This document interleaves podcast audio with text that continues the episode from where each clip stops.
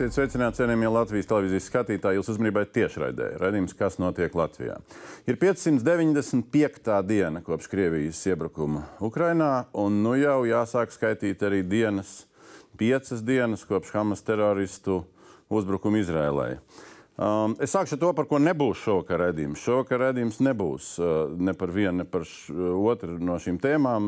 Tikai dēļ tā prozaiskā iemesla, ka nu, saistībā ar to, kas notiek tuvos, tuvos austrumos pasaulē, protams, tā ir ziņa numur viens arī Latvijā starp pirmām ziņām, bet nu, nav īsti šobrīd Latvijā varbūt par laimi uh, tādas pretēji viedokļu pozīcijas, um, par ko šeit būtu šobrīd jādiskutē.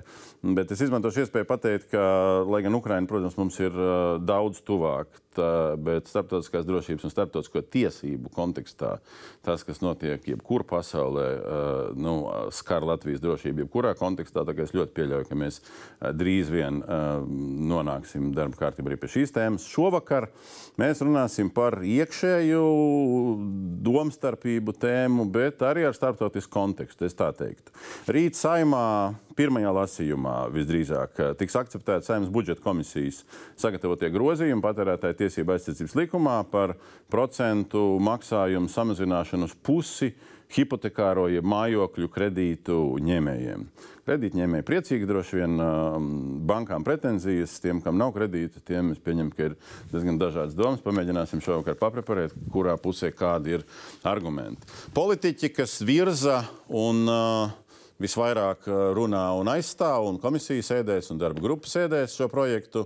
Saimnes budžeta komisijas vadītājs Jānis Reirs. Vakar. Vakar un um, arī šīs uh, pašas komisijas um, deputāts priekšstādātāja biedrs Andris Šuvājos. Vakar. Divi politiķi, kas mums pārstāv uh, politisko iniciatīvu. Uh, banku uzraugs Latvijas banku pārstāv šodien prezidenta vietniece Santa Purgaile. Vakar. Vakar. Iepratīm viņiem ir uh, Komercbanku lielāko, trīs no četrām lielāko Komercbanku vadības um, cilvēki. Svetbanka Latvijas valdes priekšstādātājs Lauris Mencis, Seba bankas valdes priekšstādātāja Ieva Tetere Labvakar. un Citadeles bankas valdes loceklis Valters. Labvakar. Viņiem līdzās ir zvērnāts advokāts, kurš pārstāv nozares, uh, nozares uh, asociāciju, finanšu nozares asociāciju, tās padomnieks juridiskos jautājumos Edgars Pastars. Labvakar. Un uh, vēl sarunā ceru, ka iespējami neatkarīgi starp tiem dažādajiem viedokļiem Latvijas Universitātes biznesa vadības un ekonomikas fakultātes lektora Līga Leitāne. Labvakar.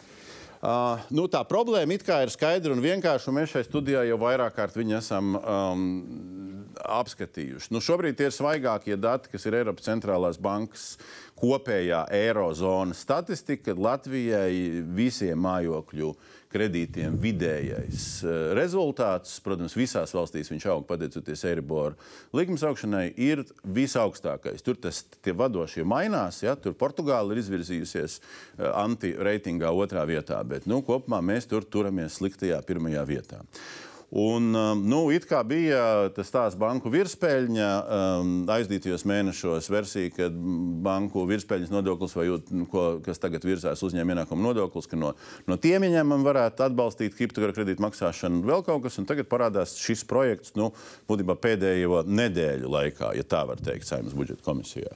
Un es gribu tam fonam sākumā uh, uzlikt nevis racionālo stāstu, bet man liekas, ka lietas, kas jau izgāja ārpus racionālā. Pagājušajā uh, nedēļu, tad, kad komisijā skatīja, um, nu, šādiem, šādiem vārdiem apmainījās Reirkungs uh, intervijā Rīt panorāmā, un pēc dažām stundām Finanšu nozares asociācija. Reirkungs pateica, ka, Zvied, nu, runājot par tā saucamām Zviedru bankām, kas nu, divas mums ir šodien pārstāvētas, pateica, ka Žumienskā citronu naudu sūta prom Zviedrijas pensiju fondiem.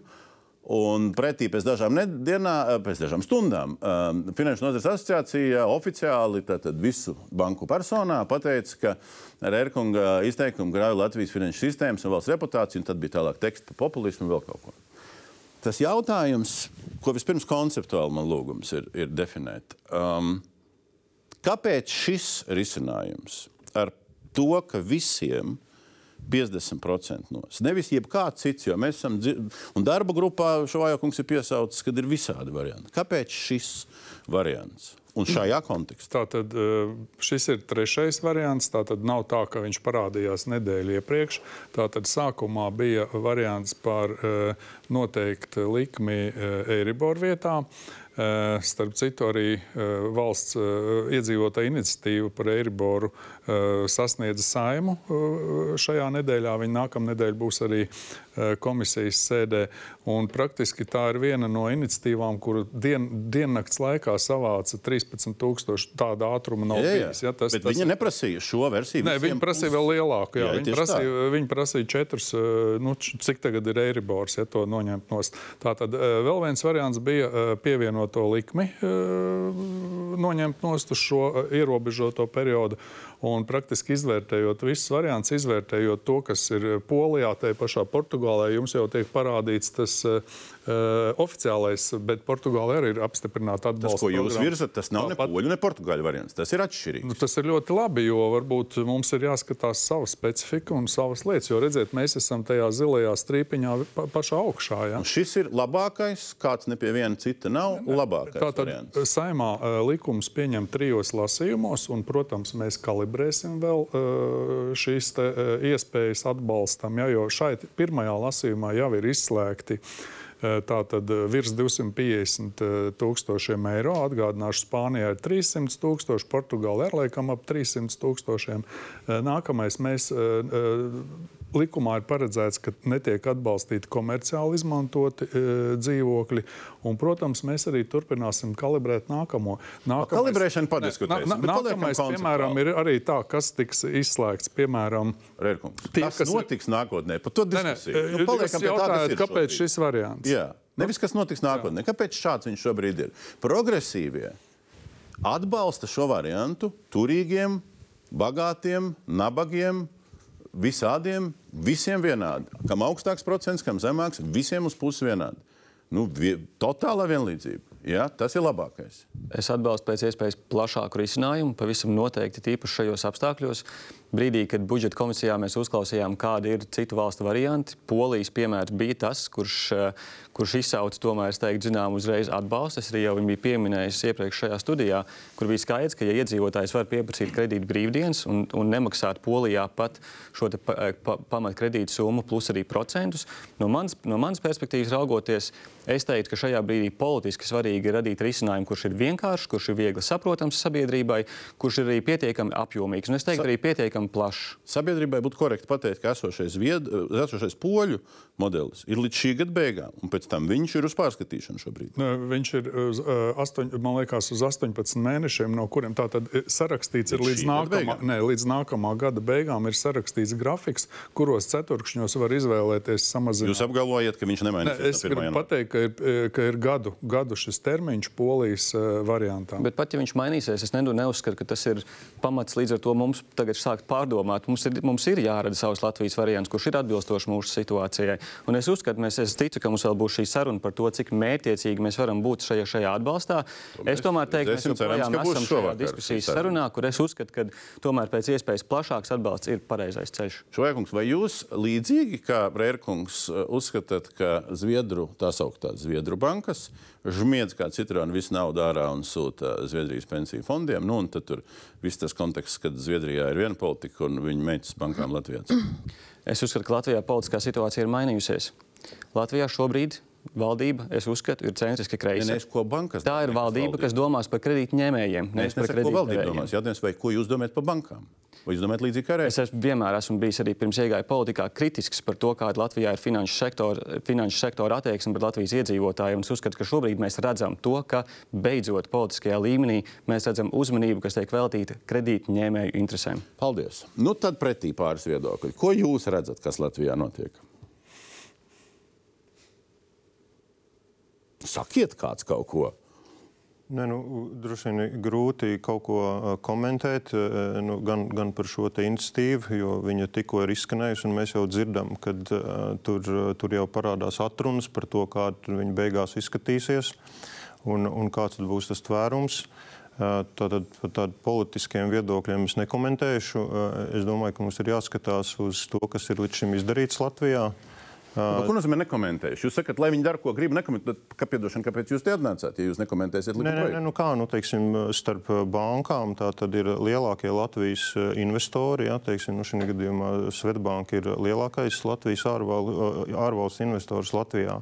Nu, ja mēs teiksim, sākam veidot vidi, teiksim, kur mēs pret ārvalstu investīcijām sākam izturēties kaut kā savādāk, ja, un tur būtu interesanti saprast, teiksim, kas tad ir tie nākošie soļi, kas ir tās nākošās nozares. Ja, kur mēs teiksim, pārdefinēsim to sadarbības modeli, ja, nu, tad, tad mēs varam diskutēt. Nu, šobrīd eh, tas ir tāds viedoklis, nu, kur ir grūti kaut kā tur atbildēt. Kaut ko klāt, līdzīgi citādi?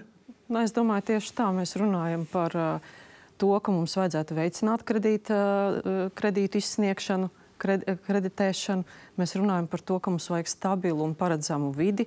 Mēs runājam, ka mums vajag vēl vairāk investīciju. Un mēs runājam, ka mēs nedrīkstam visu... būt šeit pēdējā vietā. Arī to mēs runājam. Uh, jā, bet uh, mēs jau arī iepriekšējā reizē runājām, ka šie uh, rādītāji ir tieši uz šodienu. Un tieši tāpēc, ka mums ir mainīgās likmes, ja mēs paskatītos vidējā dzīves ciklā, cik mūsu kredītņēmējs hipotekārais samaksā, mēs nebūtu pirmajā vietā. Jo tad, kad Eiribors bija zems vai negatīvs, mēs maksājām daudz mazāk. Jūs sakat, ka bet nevajadzētu ne tikai šo uh, projektu, bet nevajadzētu neko. Es nesaku, ka nevajadzētu neko. Uh, es uh, saku, ka visiem tiem kredītņēmējiem, mūsu klientiem, kuriem ir kaut mazākās grūtības samaksāt šodien finanšu saistības, uh, Mēs esam atvērti un mēs bez komisijām aicinām visus klientus nākt un izskatīt savus uh, kredītus un pielāgot labāko maksājumu grafiku. Arī brīvdienas, kā bija Polijai, trīs mēneši, seši mēneši, arī uz gadu mēs dodam brīvdienas pamatsummas maksājumam. Citadela izskanēja kā banka, kur esot, nu, nezinu, kādos formātos, kādās sarunās, bet ierosinājusi vienpusēju uh, versiju nu, tā izskanēja, ka viens procents samazināts no šīs kopējās likmes visiem hipotekāra kredītņēmējiem. Vai tā ir taisnība, vai tas ir oficiāli apstiprināms?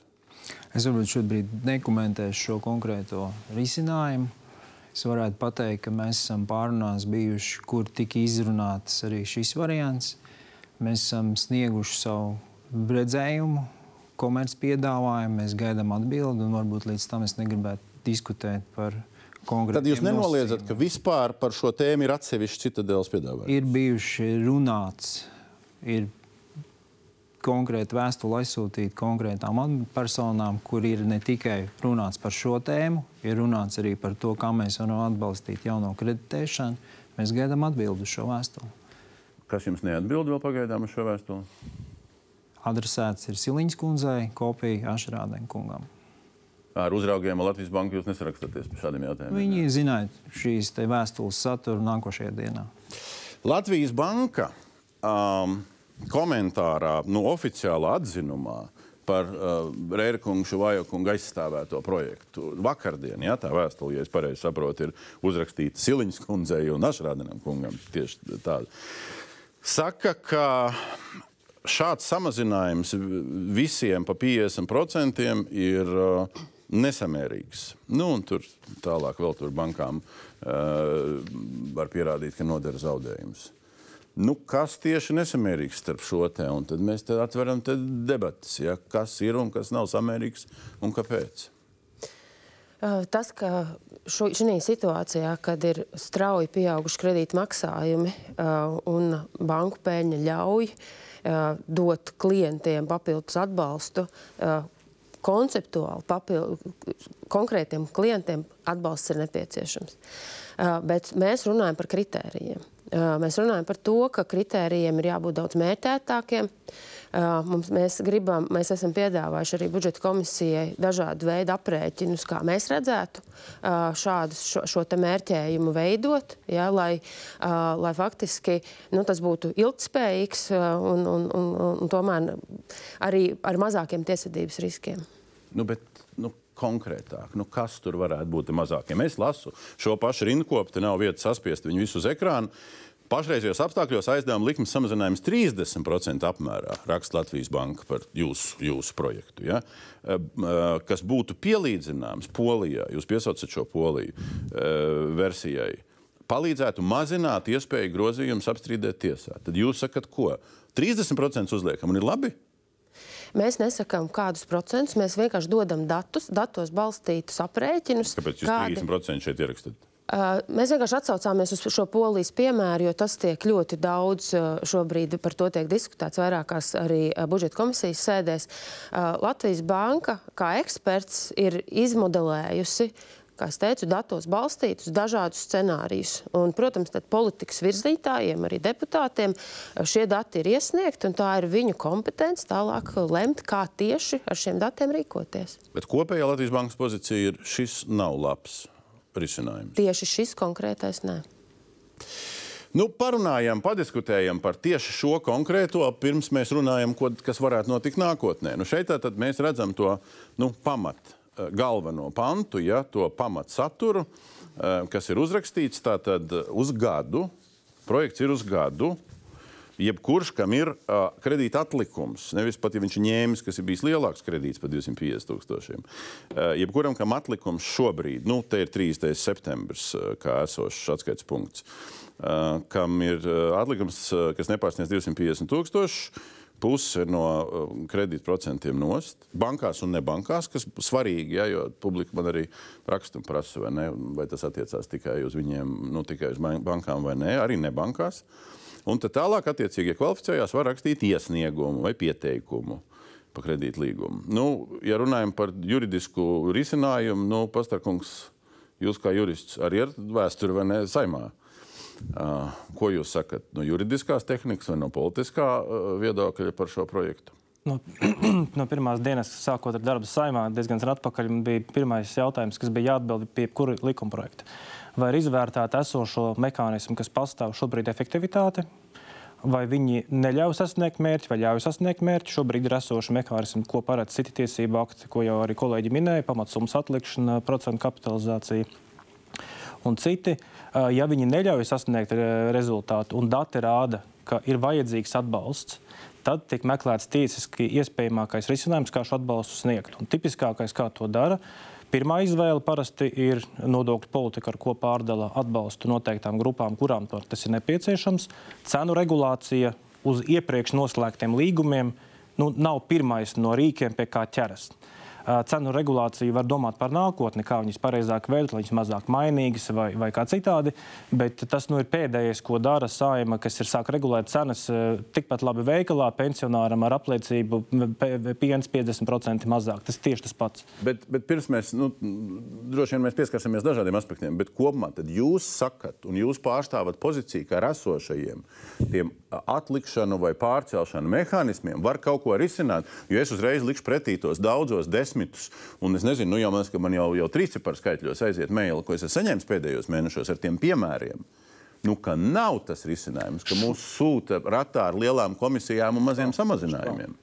Ja mēs secinātu, ka šie mehānismi nav efektīvi, pēc šādas slēdzienums nav, ja neviens šos mehānismu darbību šobrīd no iestādēm nav pētījis, tad, tad, ir, tad bankas būtu pirmās, kas klauvētu pie, pie valdības durvīm, sakot, ka mums ir problēmas. Šobrīd tāda situācija nav. Kas, ko ir izpētīja, neizpētīja? Bankas 6, 17, pirmā vietā esam un neklauvē pie durvīm. Jā, neklauvē pie durvīm, lai pateiktu, ka mēs esam vienpusēji gatavi uztaisīt savādākus vērtējumus. Piemēram, lai būtu 4% vai 3% kā citās valstīs. Jūsu galvenā hipotēze, ka ne, Eiribor nevar aizskart. Kā tad nevar aizskart? Apsieties, puse Eirozonas valstu ir kredīts zem Eiribora vidējais kredīts. Ja?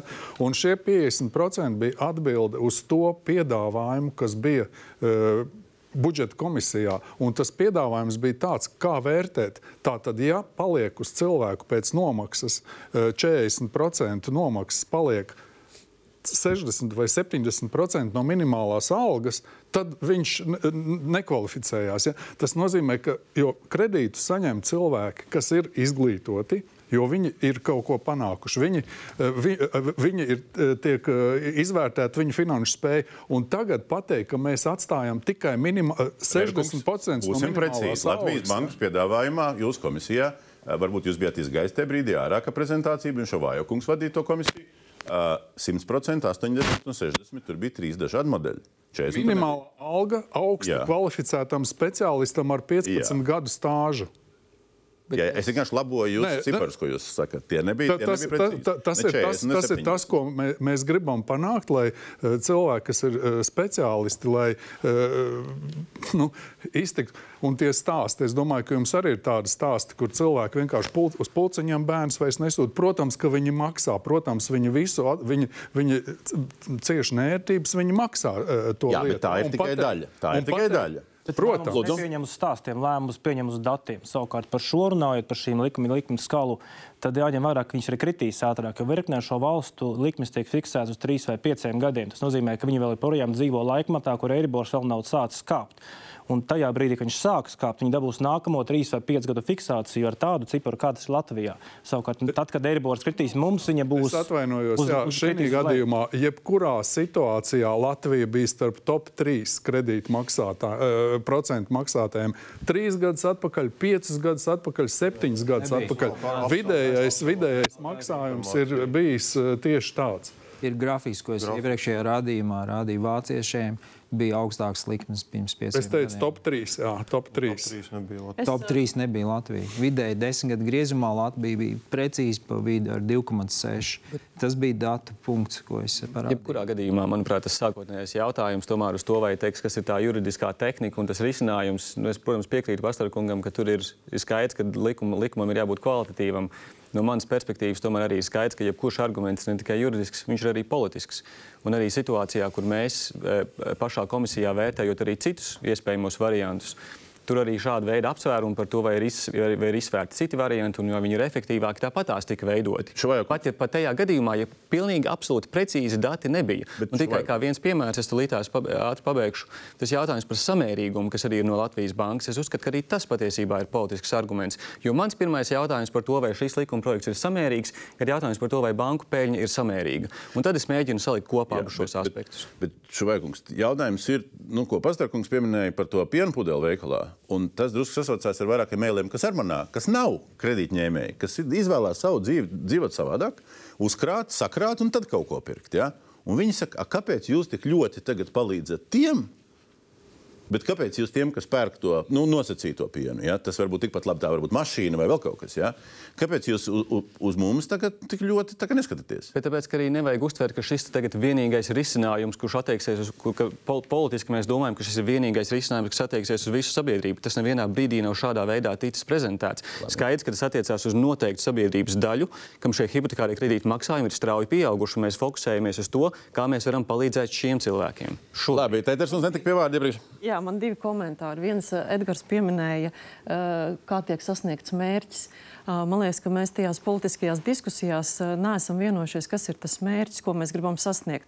Mēs esam dzirdējuši šodien, Šuvājā kungs teica, plašu, savukārt mūsu uzraugs saka ļoti mērķiecīgu iedzīvotāju loku, ja sa, sašaurināt, tad mēs esam dzirdējuši pilnīgi visi kredītņēmēji.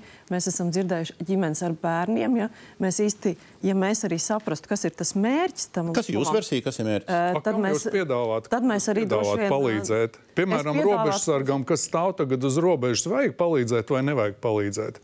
Es Piemēram, skolotājiem, kuri paņēma, eh, saņēma draudus tagad, uh, par spridzekļiem, bērnu audzinātājiem, vajag palīdzēt vai nevajag palīdzēt. Ot, piemēram, Visiem klientiem, kuriem uh, maksājums patreiz uh, ir apgrūtināts, mēs atrodam risinājumus. Ja mēs runājam par tiem, kuriem ir grūti finanšu saistības sekt, risinājumi ir, un tad tas ir jāvērtē. Nu, bet nav Un otrs jautājums. Vienu pateica, risinājumu procentu kapitalizācija, tas ir augļošana, procentu, procentu, pro, nu, nākotnē ņems no procentiem procentus vēl klāt, jā? Tas nav risinājums, ko mēs šodien piedāvājam. Nē, nu, Pastarkungs to piedāvā. Es, Tas es, var būt bet viņš netiek izmantots, jo tādas situācijas nav joprojām. Leitens Un- un kundze otrs, liekas, ka- noklausījās pirmo apli, ā, mirkli.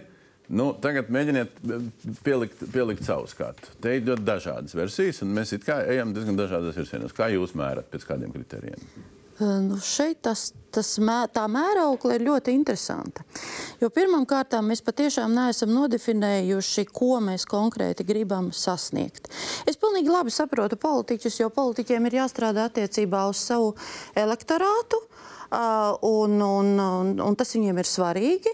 Bankas interesē viņu peļņa un viņu darbība, tas ir arī pilnīgi loģiski.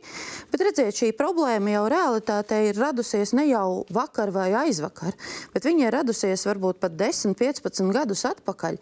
Tanī brīdī, kad um, likumdevējs nav varbūt noteicis dažus rāmjus un kaut kādus pamatu uzstādījumus, kuri va kuriem vajadzēja būt vispār šajā tirgu, uh, kredīta tirgu, sakārtotas attiecības, arī prasības pret bankām, arī šī ne, nu, kas, sociālā kas, kas nebija, atbildība. Tas nebija, kas nebija, tas nebija. Tagad... Bet šobrīd, bet šobrīd nu, jautājums ir, tad, vai jūs citādi lasat uh, Rērkunga parakstīto anotāciju. Anotācijā ir teikts, kas ir mērķis. Jūs sakat, nav mērķis. Mērķis ir Eiribor etalonu procentu likums kāpuma ietekmi uz mājasaimniecībām. Tālāk Jā. uh, ir vesela, vesela sadaļa par sociāli atbildīgo valsti, kuras ietvaros to darīt. Jā, Jūs sakat, sociāli atbildīgo valsti. Jā, protams, mēs problēmu risinām šobrīd kaut kādā vienā segmentā. Mēs neatrisinām visu. Uh, problēmas vēl būs diezgan daudz, un tās skars uzņēmē darbību. Jo tas, ko šobrīd mēs uh, paņemsim vai arī liksim izdarīt attiecībā uz hipotekāriem kredītiem, visticamāk, pilnīgi neitrāli paskatoties, ko izdarīs uzņēmējs, uh, kredītiestādes, viņas iestrādās šos te izdevumus vai šo neiegūto ienākumu attiecīgi citās pozīcijās. Tā ir tā biznesa kredīti. Protams, viennozīmīgi. Tas tāpat tās parādīsies. Vai nu komisijas maksās, vai nu vēl kaut kur, un tad mēs, mums būs nākamā problēma, kurām, kuru mēs varēsim atkal risināt. Kāds Bet, par to samaksās? Kāds pilnīgi viennozīmīgi par to samaksās. Latvijas banka līdzīgi vērtē. Bet es piebildīšu vēl Labi. vienu ļoti, ļoti būtisku faktoru. Šajā anotācijā parādās uh, tiesvedības riski. Jā, vairāk simtu miljonu apmērā. Jā, tie ir aptuveni, aptuveni ņemot šeit šo skatu. Uh, tie ir vairāk, tiešām tie ir vairāki simti uh, miljonu. Gadījumā, tas ir sliktākajā gadījumā, kas nāks uz budžetu kas šobrīd nav. Protams, šis risinājums neskar budžetu, bet sliktākais gadījums, kas varētu būt, ja uh, kredīti iestādes tiesāsies, un ja viņas hipotētiski ir jau piedraudējuši, mēs taču zinām, jā, ja viņas, piemēram, attiecīgi uh, vinnēs, tad tādā gadījumā tas valstī mums visiem nodokļu maksātājiem maksās ļoti daudz. Ar uzsvaru visiem, es kredītņēmējs vai nē? Tieši tā. Un tāpēc līdz ar to ir jāpadomā jā. par vēl citiem alternatīviem variantiem. Pirms domājam par alternatīviem mazāk... variantiem, pa papreparējam šito tālāk. Rērkungs, Šuvaja kungs, nu, ja jūsu anotācijā ir ielikti šie riski par vairākiem simtiem miljoniem, tas neizskatās baigi labi. Tādēļ es vēlreiz atgādināšu, ko es sākumā teicu, pārējais sākumā, ka likums tiek pieņemts trijos lasījumos saimā. Šis nav steidzams likuma projekts, un mums ir iespēja vēl vērtēt un kalibrēt. Jūs to vārdu jums nepatīk, bet nu, mēs kalibrēsim arī atbalsta sistēmu. Viens no šiem varētu būt, piemēram, nosakot, no kuru kredīta izsniegšanas brīdī. Piemēram, ja martā ir izsniegts kredīts, tad tas samazinājums, nedr summa nedrīkst būt zemāka par to, ko viņš jau sācis maksāt. Protams, cilvēks ir izvērtējis savu maksāt spēju, paņems martā, varbūt jūnijā kāds ir paņēmis. Nu, man tie dati Kungs, tagad iztulkojam šito, tas... šito, ko jūs sakat, iztulkojat cilvēkiem ļoti no... saprotamā valodā. Vai jūsu mērķis līdz trešā lasījuma galīgajai redakcijai ir izsvītrot šo te rindkopu no anotācijas ārā, ka risku Viņš mērķis tā tad ir no pašas pirmās dienas, bet ņemot vērā, kā uh, risinājumi, kas tiek piedāvāti, neatbalsta. Tātad lai saprastu, kas notiek komisijā un kas notiek sabiedrībā, un sabiedrība to parādīja šis parakstu vākšana diennaktī 13,000 komisijā, kas notiek. Temperatūra piedāvājot kalibrēt pēc minimālās algas speciālistu ar vairāku desmit gadu pieredzi, rada temperatūras paaugstinājumu. Nopietni to temperatūru. Nu, to, to var redzēt pēc izsaucieniem un uh, visa pārējā. Ja? Līdz ar to uh, mūsu mērķis nekad nav bijis, uh, lai būtu tiesvedības riski, bet, protams, mēs, apra, mēs, ne, mēs nebaidamies no tā, ka te mūs biedē ar tiesvedības riskiem, bet mēs darīsim visu iespējamo, un saimā nav tā, ka saimā strādā nekvalificēti juristi. Saimā strādā ļoti kvalificēti juristi. Mums palīdz komercbanku darbinieki, kuri strādā komercbankās par, par uh, kaut kādās pozīcijās, jo viņi arī nav apmierināti ar situāciju. Mums ir ļoti plašs atbalsts. Juristi, diemžēl, ir spiesti dzīvot tajā rāmī, ko uzliek politiķi, gros kā grib. Bet tas, bet tas teiktais, jūs teiktais par minimālo algu un, un, un procentiem minimālās algas, tas šobrīd ir pārmetums, ka Latvijas banka atnesa nepareizu, neadekvātu, nesamērīgu piedāvājumu. Nu, jums te ir jāizstāv, kas tas bija, ko, ko jūsu pārstāvis Zakuļkungs tur toreiz prezentēja. Es negribētu tos nosaukt par piedāvājumiem. Tie ir dažādi datu, datu analīzes varianti, jo, diemžēl, Mums ir vienīgā šeit arī valstī. Mēs visur izmantojam kaut kādu etalonu, un mūsu valstī tā ir vai nu minimālā alga vai iztiks minimums. Mums nav cita etalona. Tas ir kaut kāds etalons, pret ko mēs varam noteikt procentus. Tas, ka minimālā alga nekur nav teikts, ka, ka tas ir kaut kāds dotais, noteikti nē. Mēs vienkārši modelējam. Mēs modelējam, cik būtu tad, ja būtu 80, 160. Ja? Bet, kā jau teicu, mēs piedāvājam dažādus datu modeļus politiķiem, politikas virzītājiem, finanšu ministrijai. Tas ir viņu uzdevums tālāk no šiem modeļiem veidot piedāvājumu. Jā, jā, bet es sadzirdu no Rērkunga, un te ir viens no tiem slaidiem, kas bija tajā komisijā. Ja? Nu, te ir kādas mērķa grupas, kādos tur stāstos. Tas, ko Rērkungs šobrīd saka, atbildīgās komisijas vadītājs, ka viss šie minimālās algas, kā atlikušās naudas versija, vienkārši ir aplamība. Jautājums, vai jums ir ko likt pretī? Kāpēc? Tieši šādi modeļi tur tika uzlikti. Nebija 120% tāpēc, no minimālās jā, algas. Tāpēc, ka e, šis ir e, patērēta tiesība aizsardzības likums, kurš nosaka veidu, kādā veidā jau šobrīd tiek rēķināts kredītspēja cilvēku. Un tas ir veids, uz ko mēs tālāk arī balstam. Tā šobrīd notiek. Pievien, papildinot eh, šo sarunu un arī varbūt reaģējot uz to jautājumu par tiesvedībām, eh, pēc manas izpratnes būtībā ir trīs svarīgi jautājumi tiec šāda veida regulējumam vai likumam. Viens attiecībā uz to, vai tas ir terminēts, un tas ir terminēts. Jautājums par samērīgumu, jautājums par mērķiecīgumu. Ir skaidrs, ka atlikušajā laikā mums ir politiski jārada ļoti kvalitatīvas atbildes attiecībā uz samērīgumu un attiecībā uz mērķiecīgumu. Šajā slaidā, kas tiek parādīts, Nu, tur, ir tas, tur ir būtībā tā lielā politiskā izšķiršanās. Es ja šo jau jūs neizšķirāt. Nē, nē, bet viņš, viņš ilustrē tomēr to būtībā, to politisko jautājumu, to, vai viņš ir plašs un viņš ir mētiecīgs. Un katru reizi, kad mēs ieiesim šajā sarunā par to, ka mēs vēlamies precīzi pateikt, kā šajā piemērā, piemēram, kad attiecīgi kas ir tā summa, kas iedzīvotājiem ir nepieciešama pēc visu kredītu maksājumu veikšanas, kas ir tā summa, kas viņam ir nepieciešama uz rokas. Ja viņi ir zem noteikta līmeņa, tad atbalsts pienāksies. Un vienmēr, pirmkārt, jau skatoties uz šo sarežģītu, neviens nesapratīs. Ne, ne. Es nevienu nelieku, es viņu vienkārši lieku, tāpēc, Bet es tikai ilustrēju politiski, vienkārši mēs nonāksim situācijā, kur vienmēr būs gadījumi, kad cilvēkam būs zināms ienākuma līmenis, un viņš nekvalificēsies, bet, bet ja būs par vienu eiro vairāk, tad kvalificēsies. Un tad arī izsauks pamatotu kritiku. Es gribētu mazliet griežot kaut kur. Paskatīties. Tad problēma ir kopējais maksājums, ne tikai procenti.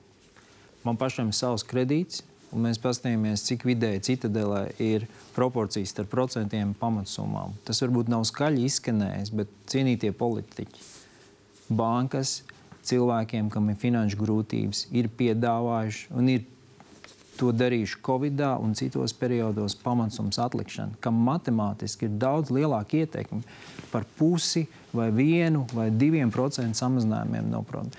Ir lielas summas, kur tas ir varbūt tās neizpildās šis nosacījums, bet pamatmasai, citadeles klientiem lielāks labums ir no tā, ka tiek atlikt pamatsumma, un to mēs darījām, darīsim, un cik es zinu, arī citas bankas dara, ja ir finanšu problēmas. Kāpēc? Tā, bet, bet, bet, bet, bet, bet, bet, uh, tās sūdzības viss par, jā, par 10 nu... eiro, par 20 eiro uh, atlikšanu. Nu, Nē, nē, bet man liekas, Abelskungs, jūs Abelskungs, nu, man liekas, ka mēs nu, neaiziesim arī neceļos. Man liekas, ka lielā saruna, ar ko te sākumā jau arī pieminēja, lielā saruna jau ir jūs par daudz pelnat. Nu, šitai no Latvijas Uh, nu, tas izvilkums, ja tad, tad sestais gads, uh, septītais gads mums iet, tad seši gadi pilni, un septītais iet, un tie sarkanie stabi, ja pa mēnešiem, nu kā summārā peļņa aug, aug, aug. Un tas, ka jūs kur kaut ko risinat, tas ir viens tās. Bet otrs, tā peļņa aug, aug, aug.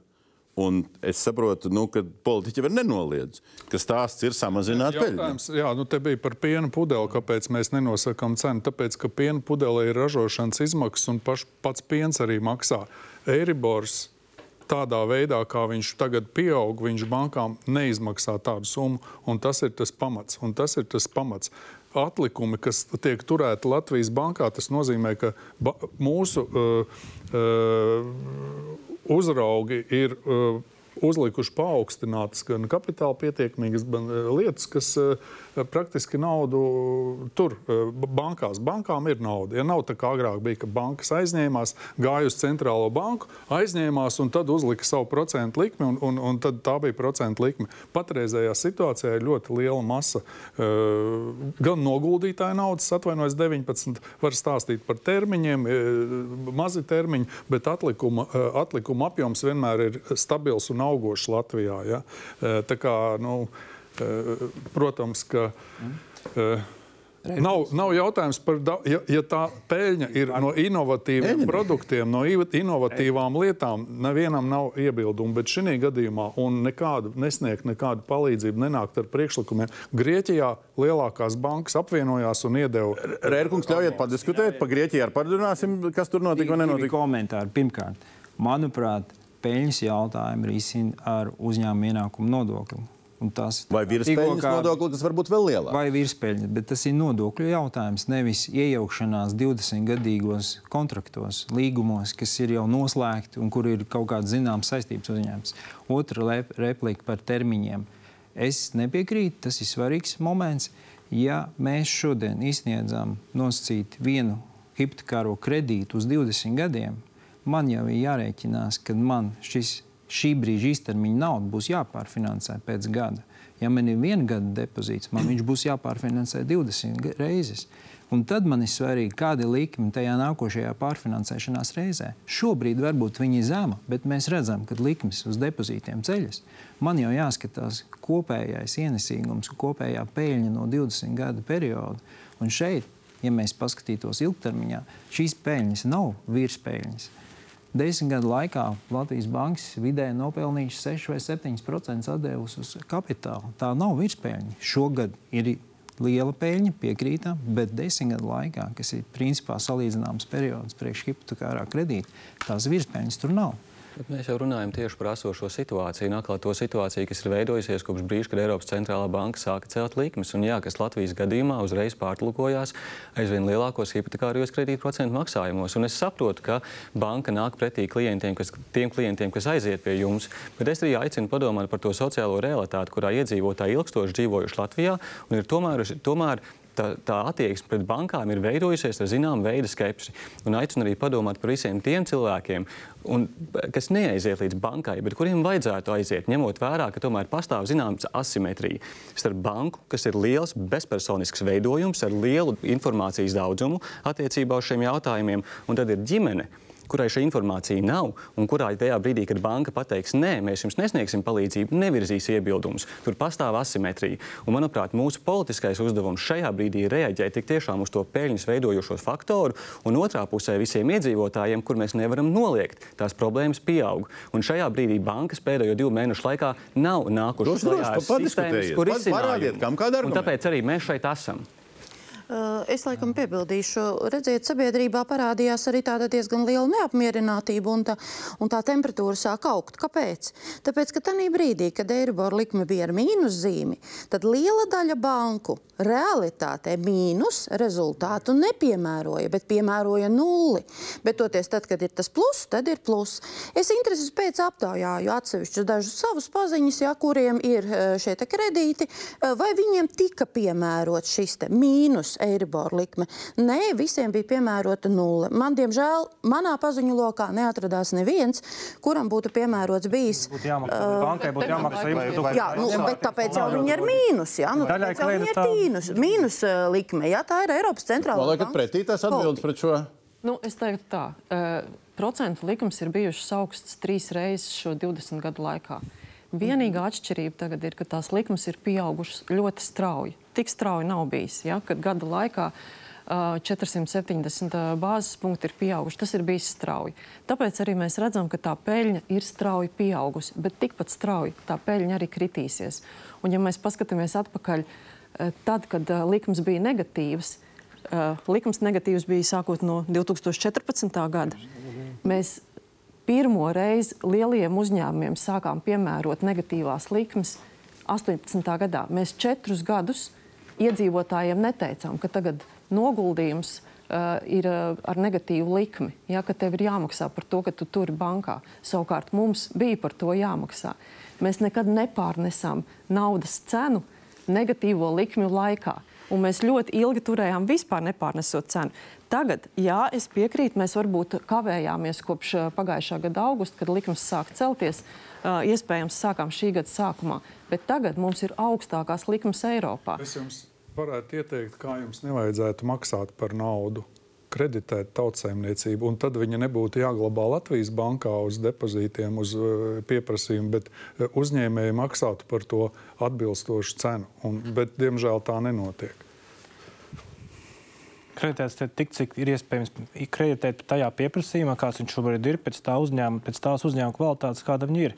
Salīdzinot vidu datus un banku datus, mēs redzam, ka, ka tie, kas maksā nodokļus, tiem jau ir kredīti pēc būtības. Tas skaits ir diezgan līdzīgs abās pusēs. Diemžēl tas un ir atšķirībā no citām Eiropas valstīm. Ļaujiet man, man pieķerties, man pieķerties vienam jēdzienam, ko mēs tā pašļūcām pāri. Ābelkungs pateica, virspēļņas nav. Neviens neiebilda. Neviens te neteica, ka, ka viņš nepiekrīt. Latvijas banka piekrīt, ka virspeļņas komercbankās nav. Nu, Virspēļņa tas ir tāds, de, tā ir kaut kāda definīcija. Tā ir, jā, tā ir neparasti liela uh, peļņa, kas varētu būt nu, īslaicīga, cik mēs sakām īslaicīga. Bet šeit ir, man liekas, svarīgākais faktors, ko mēs šeit diskutējam, ko es gribēju pateikt, ka uh, šeit ir ļoti daudz racionālu argumentu, bet tā kā arī Laitāns kungs teica, te, šis jau ir kļuvis tik ļoti emocionāls jautājums. Kāpēc es ar to nav, sāku, ka ja? mēs esam aizgājuši emocijās? Tur ir tā lieta, ka šobrīd, un tas bija tieši tas, ja, ko es arī mazliet iemetīšu akmeņus arī banku dārziņā, ko, par ko mēs runājām jau no gada sākuma un gatavojām. Banka sakot, ka jums būs ļoti liela peļņa, esiet gatavi, domājiet, kā jūs varat nākt pretīm klientiem, proaktīvi kaut ko likt priekšā, lai jūs sabiedrības acīs tomēr nu, izpelnītos vairāk plusus nekā mīnusus. Ja? Tā darbība nesekoja. Ja? Tāpēc mēs esam šeit, kur mēs esam. Un tāpēc, ka, eh, tāpēc arī šobrīd ir jau tā temperatūra tik ļoti uzkarsusi, ka ir jānāk uh, šobrīd politiķiem ar kaut kādiem risinājumiem. Darbība, jo paskatāmies, uh, protams, ka mēs nevaram vienoties par vienotu cenu. Tas nav pie, pieņemams, bet mēs esam, katra banka rīkojusies. Mēs esam atlaiduši jebkādas komisijas kredītu. Jūsu, ne visas, ne visas jūsu bankas. Ne visas. Bet es, es saku, katra banka jau rīkojas atsevišķi. Mm. Mēs esam uh, radījuši krājkontu, kas ir pieejams uzreiz klientiem 2,4. Jūsuprāt, tas ir pietiekami. Ja Purgāls kundze jau nesaka, ka jūs neko nedarījāt. Jautājums ir, vai jūs pietiekami darījāt pret es... šo peļņu? Es domāju, tas ir jautājums. Tas, ko es teicu, tā peļņa strauji auga, tāpēc, ka tik strauji procentu likums iepriekš nebija celtas. Jā, jā. Mums neviens, arī Latvijas banka, mums neteica, ka tik strauji celsies likums. Mēs nevarējām to paredzēt kristāla bumbā. Bet tā reakcija ir bijusi. Mēs katrs esam darījuši kaut ko. Un, Mēs runājam par kredītņēmējiem, kur tomēr ir tikai 14% no mākslas. Sauksim, sauksim bet mēs runājam 140 tūkstoši, nevis procenti, bet sauksim katru ģimeni atsevišķi. Jā, ja? labi, Un tie ar problēmām nav nevis uh, eh, 10% no kredītņēmējiem, bet 13 tūkstoši uh, ģimenes. Ko teicāt, uh, vai, vai Komercbanka uh, Finanšu nozares asociācija teica septembra sākumā, un tad televīzijā izskanēja jau piekdaļa ir ar, ar, ar neatbilstību šiem 40% apmēram. Un tās jau ir vairāk par 20 tūkstošu ģimenēm. Bet Tie nav procenti. Tās ir katra, tā ir katra ģimene. Mēs tā ir... vairs nerunājam par tiem, kuriem ne, ir. Jūsu atbilde bija sūdzēsim tiesā. Tas ir tas, ko jūs par tiem peļņas stabiņiem, ko jūs atbildat. Jūs apvainojāties? Ko, nē, protams, ka nē. Sadusmojāmies. Tad, tad, sadusmojāties. Tas, ir tas, tas ko, nav labs padomdevējs dusmas. Nē, varbūt Šoja kungs sadusmojās, bet nu, katram jādara savs darbs. Un tā bija atbilde katram kredītņēmējam, ko jūs pateicāt. Mēs aiztiksiet to stabiņu, mēs sūdzēsim jūs tiesā.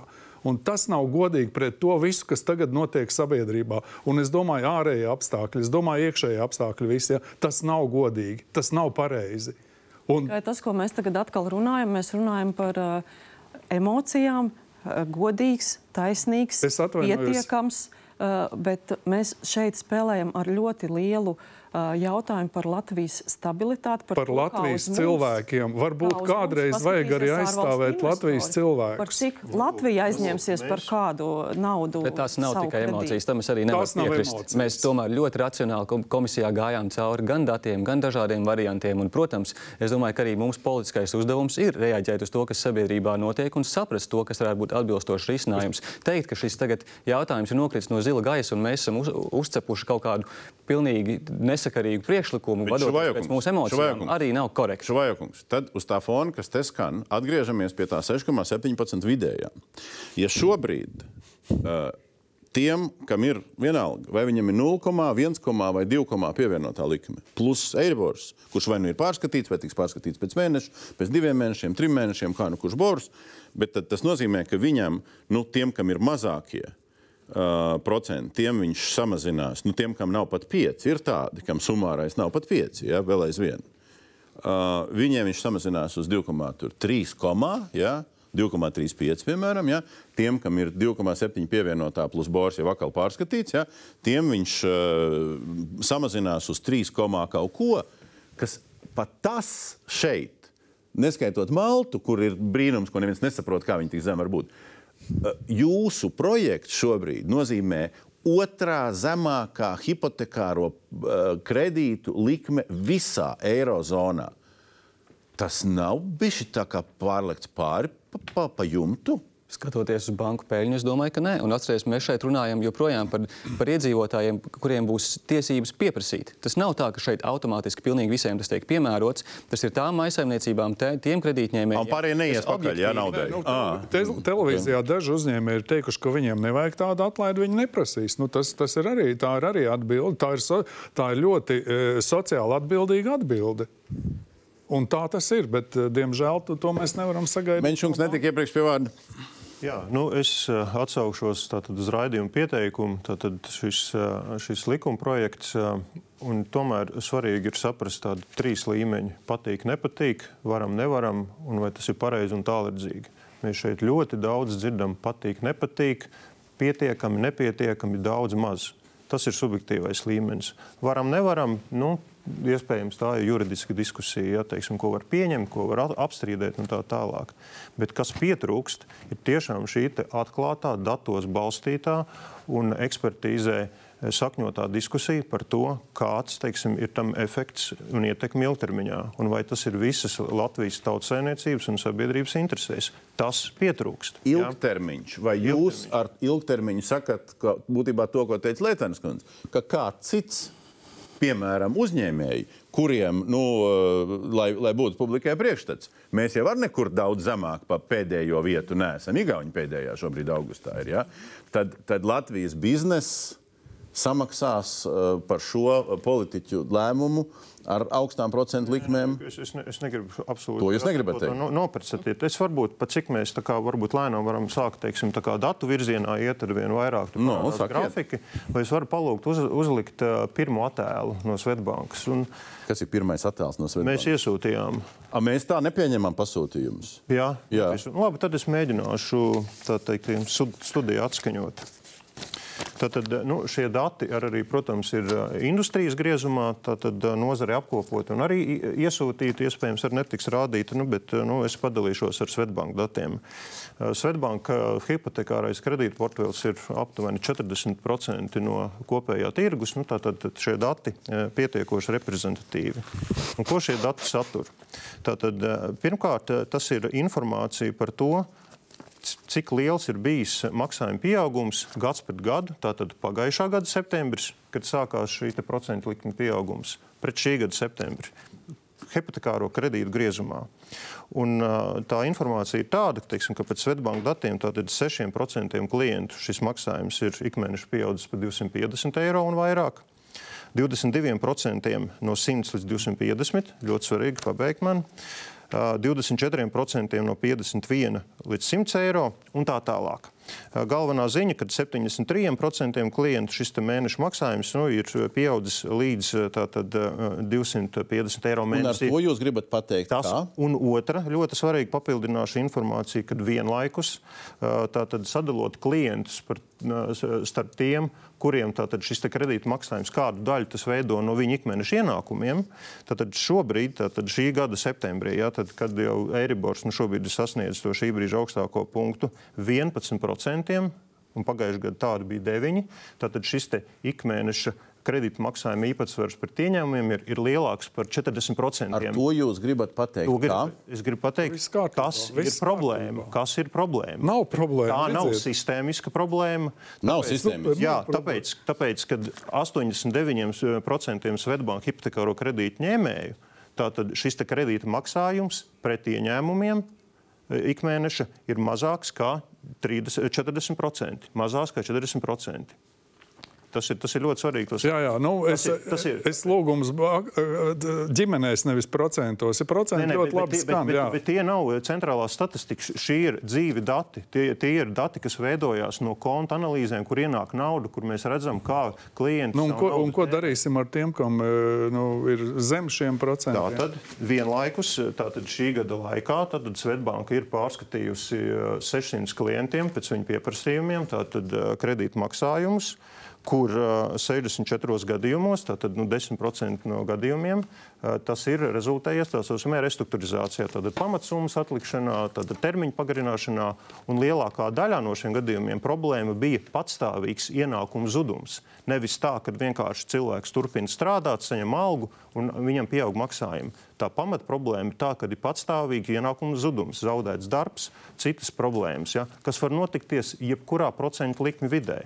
Ar ko es gribu pateikt, ka ir ļoti svarīgi šos datus apzināties, un tāda arī bijusi tā mūsu pamatdiskusijas tēma visus šos mēnešus, nevis ar saimnu, bet ar centrālo banku, ar finanšu ministriju, lai definētu, kas ir tā problēma. Banku lielā peļņa vai iedzīvotāju maksājuma grūtības. Ja tā ir iedzīvotāju maksājuma grūtības, balstamies datos un tiešām veidojam mērķētu risinājumu. Tiem, kuriem tas tiešām ir vajadzīgs, varam caur uzņēmumu ienākumu nodokli nodrošināt papildus finansējumu un caur valsts programmām to Jā, atbalstīt. ļoti labi. Bet tagad, lai visu sistēmu sagrautu, Viņš, bet, bet, bet, bet, bet precizējam vienu lietu. Jūs mērat maksājumu grūtības ar to, ka viņi atnāk un saka, ka viņiem ir maksājuma grūtības, vai ne? No kā jūs savādāk varat, Nē, nē, nu kā kā jūs varat izmērīt? Nē, Kā nu vēl? Kā vēl? Nu, piemēram, nemaksā, kavē. Bet man, man nāk šie ēpasti, tā skaitā pa Svetbanku Protams, klientiem, jā, jā. kuri saka, mēs maksājam, mēs turpinām nekavēt, lai mūs neieraksta kaut kur. Tieši tā. Jā. Bet mēs esam nogriezuši tam šito, tam šito savā ikdienā. Nu, satversmes tiesa teica saulē, ka vispār nu, cilvēkam jā- jāsocializējās un uz teātri jāaiziet, kādreiz grāmatā jānopērk. Ja? Kas, mums jā, kas mums ir jāpilda? Nē, es tāpēc saku, jautājums, vai, vai jūs apzināties, ka aiz jūsu šī oficiāli kvalificējamās problēmu daļas ir tā, ko jūs tur neieraugat, bet viņi ir. Bet 40% ienākums bet liekas, tā, tas bet rādītājs. 40% Tas jau analītika redzams. 11. Banka taču katru dienu nemēra, cik tas cilvēks nopelna. Reiz mēnesī, nu, alga jau ir reiz mēnesī. Atkal, manuprāt, nav vienkārši dati. Ir ļoti pareizi, protams, ka ir jāskatās uz datiem, bet es ceru, ka piekritīsiet, dati arī ir jāinterpretē attiecībā uz sociālo politisko kontekstu, kurā mēs dzīvojam šajā brīdī. Un Latvijas sabiedrība pēdējos divos gados ir piedzīvojusi 20% inflāciju. Es domāju, ka šāda veida ilgtermiņa sekas šim procesam mēs joprojām neesam apzinājušies. Līdz ar to tas, ko nozīmē šāda veida ienākumi šajā brīdī un ko par to ir iespējams iegādāties kvalitatīvai dzīvei, arī ir atvērts jautājums. Līdz ar to tagad pieņemt, ka tikai tāpēc, ka līdz šim mums bija šis rādītājs par 40%, kas, kas apraksta respektīvi to parādu nomaksas apjomu relatīvi pret visiem ienākumiem. Ļoti labi, ka mums ir šāda veida standarta metrika, pēc kuras mēs vadāmies. Bet jājautā, vai šajos apstākļos tas ir vispareizākais, vispareizākais mērķa rādītājs, uz kura pamata mums veidot politiku. Un es neesmu pārliecināts, ka tā ir, ņemot vērā kontekstu, kurā mēs dzīvojam. Un tik tiešām ņemot vērā visas šīs sarunas, kas notiek gan sociālajos tīklos, gan arī kopumā sabiedrībā. Un es saprotu jūsu perspektīvu, kur, jums, kur jūs domājat konkrēti no savas, no, savas, no savas iestādes perspektīvas. Bet mūsu pienākums ir domāt par sabiedrības interesēm. Bet sabiedrības intereses nebūtu, ja jūs samazinātu no 6,17 uz, uz 4,73, piemēram. Un tāpēc mēs. Tās nebūtu sabiedrības Es uzskatu, ka tāpēc, tas atbild uz jautājumu par to, kas ir samērīgi un kas Nē, es nav. tāpēc a sabi- samērīgums pie 4,73 nebūtu. Mēs uh, runājām par kalibrēšanu, un es atgādināšu, vēlreiz ir trīs lasījumi, un mēs uh, panāksim to, ka uh, šīs rindiņas par risku tiesvedībā nebūs. Bet jūs jau šobrīd sakat, tā tad atkārtot, faktiski es no jums dzirdu, ka mēs šādu likumu nemaz negribam pieņemt. Mēs gribam mainīt šo tekstu. Tā ir. Jūs vēl neielikāt, starp citu, visā diskusijā pēdējo rindiņu, kas tur bija rakstīta, pēdējo punktu, ka bankām ir uh, tie, uh, tiesības piedāvāt savu. uh, Lūdzu, ieliekam pēdējo Ieliekam. rindiņu speciāli priekš jums, un jūs Paldies. nespējāt pirms nedēļas šodienas jautājumā pie Anētas Bērtuls atbildēt, kas tad tas tāds būs. Pie kas, ir- kas būs Nu, mums nozīmīgais? Mums ir- citadēls 1% būs nozīmīgs vai Mums nebūs? ir daudz likuma, kurās ir r- runāts par nozīmīgu ieguldījumu. Ja? Nu, tad, uh, Bet, bet šis kļūst par absurdu. Ja jūs pats pateicāt, tātad nē, bet ļaujiet uzstādīt jautājumu. Jūs pats pateicāt, ka nozīmīgums vienā citā intervijā varētu būt 1 līdz 1,5%. Pateicāt, pateicāt, pateicāt. varētu Vid, būt. vidējo, ja jūs raujat nost pa 3%, ja ne vairāk, un tātad nu, daudziem vairāk, daudziem mazāk, tad kur ir loģika? Kad vieniem ir 3% vienās bankās samazinājums, un citiem pusotrs. Tādēļ uh, šis punkts ir atvērts. Arī šis punkts ir atvērts. Viss ir atvērts. Nu, tieši Nebūs tā, nē, ko nu, tiesāties, nē, Pastarkungs. Nē, redziet, viss ir atvērts ļoti pareizi. Nevis viss ir slēgts kā no banku puses. Ja, un šie skaitļi, 600 iesniegumi un 64 ir tikai uh, iz, nu, pie- piešķirti atlaidi, tāpēc jau cilvēki nenāk. Tāpēc jau viņi ja, ja baidās. viss iet. bija atvērts, kāpēc mēs tiekamies šeit visi kopā, nevis jūsu komisijā, divas sēdes kārtas ar bankām? Es arī varu, pal- arī varu atbildēt. Mēs varam teikt, ka ir zināma neapmierinātība varbūt par to, ka ir jautājumi atvērti, bet pirms mēneša mums vispār nebija absolūti nekāds variants. Vismaz šobrīd mums ir. Mums tā diskusijas vispār savā starpā nevedās. Jo ir vai nu monologs par to, ka viena ir slikti, un, un otra interpretē teiktu par citu, citu kaut ko kā draudus. Es teiktu, ka mēs šobrīd esam kā divas automašīnas, kas uz ceļa satikušās un izdomājušas, kura brau, vienai otrai braucot pretī ceļu pagriezīs vai nepagriezīs. Man aizdomā, ka abas nepagriezīs. Be- beigās mēs domāsim, kura tajās lauskās darīt. To ilgtermiņā nevajadzētu pieļaut. Ja mēs Pat varbūt šo- pat īstermiņā to nevajadzētu. Nu, ne īstermiņā, ilg, ne ilgtermiņā, bet uz to šobrīd iet. Kas attiecās uz likuma projektu, tad, tad ir vēl dimensija, par ko vēl jāpadomā. Lai tos visus iesniegumus izskatītu, vajadzēs mums 4-5 mēnešus šo likuma projektu pieņemt. Nerunājot par, mēs par pārējām Bet- bet izstrādēm, ko par jums to tur jāizskaidro? Nē, šis ir Var interesants. uzreiz pārs, pārstruktūrē. Ja? Tas ir automātiski ieviedots. Tur nav jābūt. Te ir rakstīts, ka jāpa, jās, jāsaņem ir izziņa par ienākumiem. Tas tālāk ir aprakstīts likuma projektā. jūs varat pārbaudīt. Nav obligāti jāpārbauda. Jā, te ir vārds var, precīzi, tur ir vārds var. Bet, lai katru iesniegumu individuāli pieņemtu un apstrādātu, tas prasa laiku. Noteikti stundas ir 160, ir 140 tūkstoši. kā Paskaitiet uz laika skalas, cik tas Nu, cik izrēķinājāt? Nu, pret to peļņu nu, nav tik 4 briesmīgi. mēneši kaut kādi apmēram. Ko darīt ar to iesniegumu? Četri mēneši ienāca. Nē, nē, es domāju, lai visus situāciju. apstrādātu. Apmēram Mēs 4 runājam par mēnešus. 120 tūkstošiem, ar kuriem būs jāpārslēdz līgumi. Ja tie ir līguma grozījumi tālāk arī. Tā kā, un arī IT viens, sistēmās. viens kā- dokuments, nu, ko tur apstrādāt. nu, tā ir tā lieta, kas nav nemaz vērtēta. Uh, ir tikai domāts, ka tas ir vienkārši, bet ja detaļām tam ir svarīga nozīme. Savukārt par vēl vienu detaļu runājot par datiem, turpinot, mēs ar asociāciju apkopojam, kā šobrīd, cik cilvēku šobrīd vēršas bankā un par ko. Tad, nu, pirms septembrī vien tas skaits bija 1700 cilvēki. Gan arī divreiz vairāk nekā mēnesi iepriekš, bet vienalga relatīvi maz. viņi pieaug, bet tas nav arī mazs skaitlis. Kā to un, ņem? un, ja mēs skatāmies uz tiem, kuriem ir patiešām lieto šo sadzīvisko vārdu slikts kredīts, un tiem tikai 26 gadiem bija identificēti tādi visā sektorā, kas ir pārskatāms kredīts, kuram jānosaka kaut, kādas, kaut kāda pretimnākšanas specifiska politika. Pārējos gadījumos tika piemērota likmes samazinājums. Reira kungs saka, ka maz tur 20, 30 eiro mēnesī, bet ja to, tas samazinājums, ko banka dod, viņa dod uz visu termiņu, nevis tikai uz vienu gadu. Un tas samazinājums, ko banka dod uz visu termiņu, ja matemātiski daudzos gadījumos saskatās, sanāks vairāk nekā eh, likuma, šī likuma projekta rezultātā. Jā, mēneša maksājums nebūs tik stipri nenokritīsies, tur es piekrītu. Bet ilgtermiņā tā summa tad 0,2 uz 20 gadiem vai 2% uz 2% punkti uz, uz vienu gadu, tur tā summa būs gana līdzīga. Uh, Tādēļ nav tā, ka, ka, ka šī pretimnākšana nenotiek. Par to iesniegumu izskatīšanu, nu, kas ir domāts zem šī punkta par tiem iesniegumiem, vai jūs pieņemat to Tas ir- kritiku, ka tas ir. Nē, tas ir, eh, tā ir izvēle cilvēkam. Tiešām ir situācijas, nu, piemēram, tā kā mums ir ar uh, bērnu pabalstiem. Piešķir automātiski, daudziem nevajadzētu būt. Piemēram, deputātam ar deputāta algu nevajadzētu piemaksāt vēl 35 eiro, bet Ja ir iesniegums, tad cilvēks pats var izvērtēt. Un es neatceros, kurā raidījumā, bet viens no uzņēmējiem teica, viņš, piemēram, nesniegs. Man tas nav vajadzīgs. Ja? Tā tad viņš var nesniegt eh, šādu iesniegumu un viss. Un nav jā. Bet, un tas, ko, ir... bet tas, kas man nāk skatītāju jautājumos, ka viņi cilvēki baidās, vai zem šī punkta nav iespēja bankām pārskatot to situāciju, vispār viņam noraut kredītnotu, pat, pateikt, kredītnost, pateikt, ka tev vairs nav tāda ieņēmuma, tu esi kaut es, kur tur. Es domāju, ka mēs izvērtēsim arī jūsu viedokli un varbūt tad uh, pamainīsim kaut ko. Nu, varbūt tiešām nevajag tos iesniegumus, varbūt kļūdījāmies. Likums absolūti neizvērtēts no. Nē, nē, es vienkārši saku, kā cilvēki ir uztvēruši to publisko vēstījumu. Ne? Ne, ja gadījumā personai patiešām ir objektīvas grūtības maksāt, varbūt arī tas likmes samazinājums, ko likumprojekts paredz, nepalīdzēs. Piemēram, zūd ienākumi vai, vai 3 vai Jā, 6% tā... bieži nesamaksās nevienu, tāpēc varbūt tādēļ šeit, citi risinājumi. Tādēļ šeit ir paredzēti arī budžetā līdzekļi, uh, lai uh, garantētu šos kredītus, kuriem ir, uh, kur cilvēki zaudē darba dēļ vai kaut kādu citu iemeslu dēļ zaudē ienākumus, bet pirms tam ir bijuši ar apmaksātu darbu, maksājuši nodokļus. Praktiski faktiski ir uh, Altumā izveidos uh, sistēmu, kur aizsargās šādus cilvēkus. Un, ja mēs runājam par mērķiem, tad, piemēram, viens no maniem mērķiem ir, lai neviena ģimene Latvijā šīs krīzes rezultātā nezaudē, godprātīga ģimene nezaudētu savu dzīvokli. Kā tas bija 2010, 11, 12 gadā, kad 150, 180 tūkstoši Latvijas iedzīvotāji aizbrauc no Latvijas, un daudz vēl tagad maksā par kredītu. Vai ir korekti salīdzināt ar šiem gadiem? Uzreiz, nav, ir, nav regulējums ir būtiski arī mainījies, jo ir noteikti gan termiņi.